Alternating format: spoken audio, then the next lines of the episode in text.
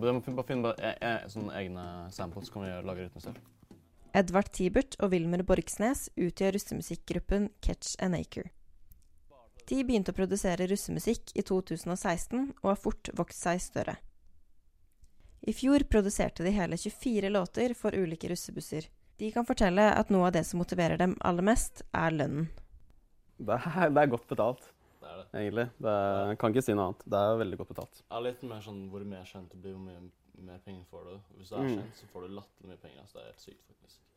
Til tross for at gruppen selv har startet opp et selskap og betaler skatt av inntekten fra russemusikken, forteller de at mange i deres bransje ikke tenker over at inntekten fra russemusikk skal skattes. De tror dermed at det er svært vanlig med svart betaling innad i bransjen.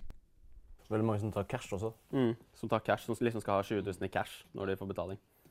Så det I 2016 betalte ikke duoen skatt siden de tjente under frikortgrensen, men i 2017 bestemte de seg for å opprette et selskap ettersom de så at de kunne tjene store inntekter på musikken.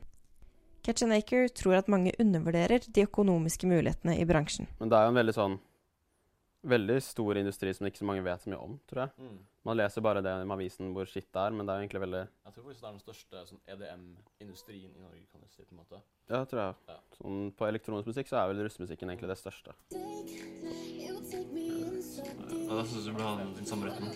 Bare ta litt lavere, men litt mer real. Bare sånn, gjør det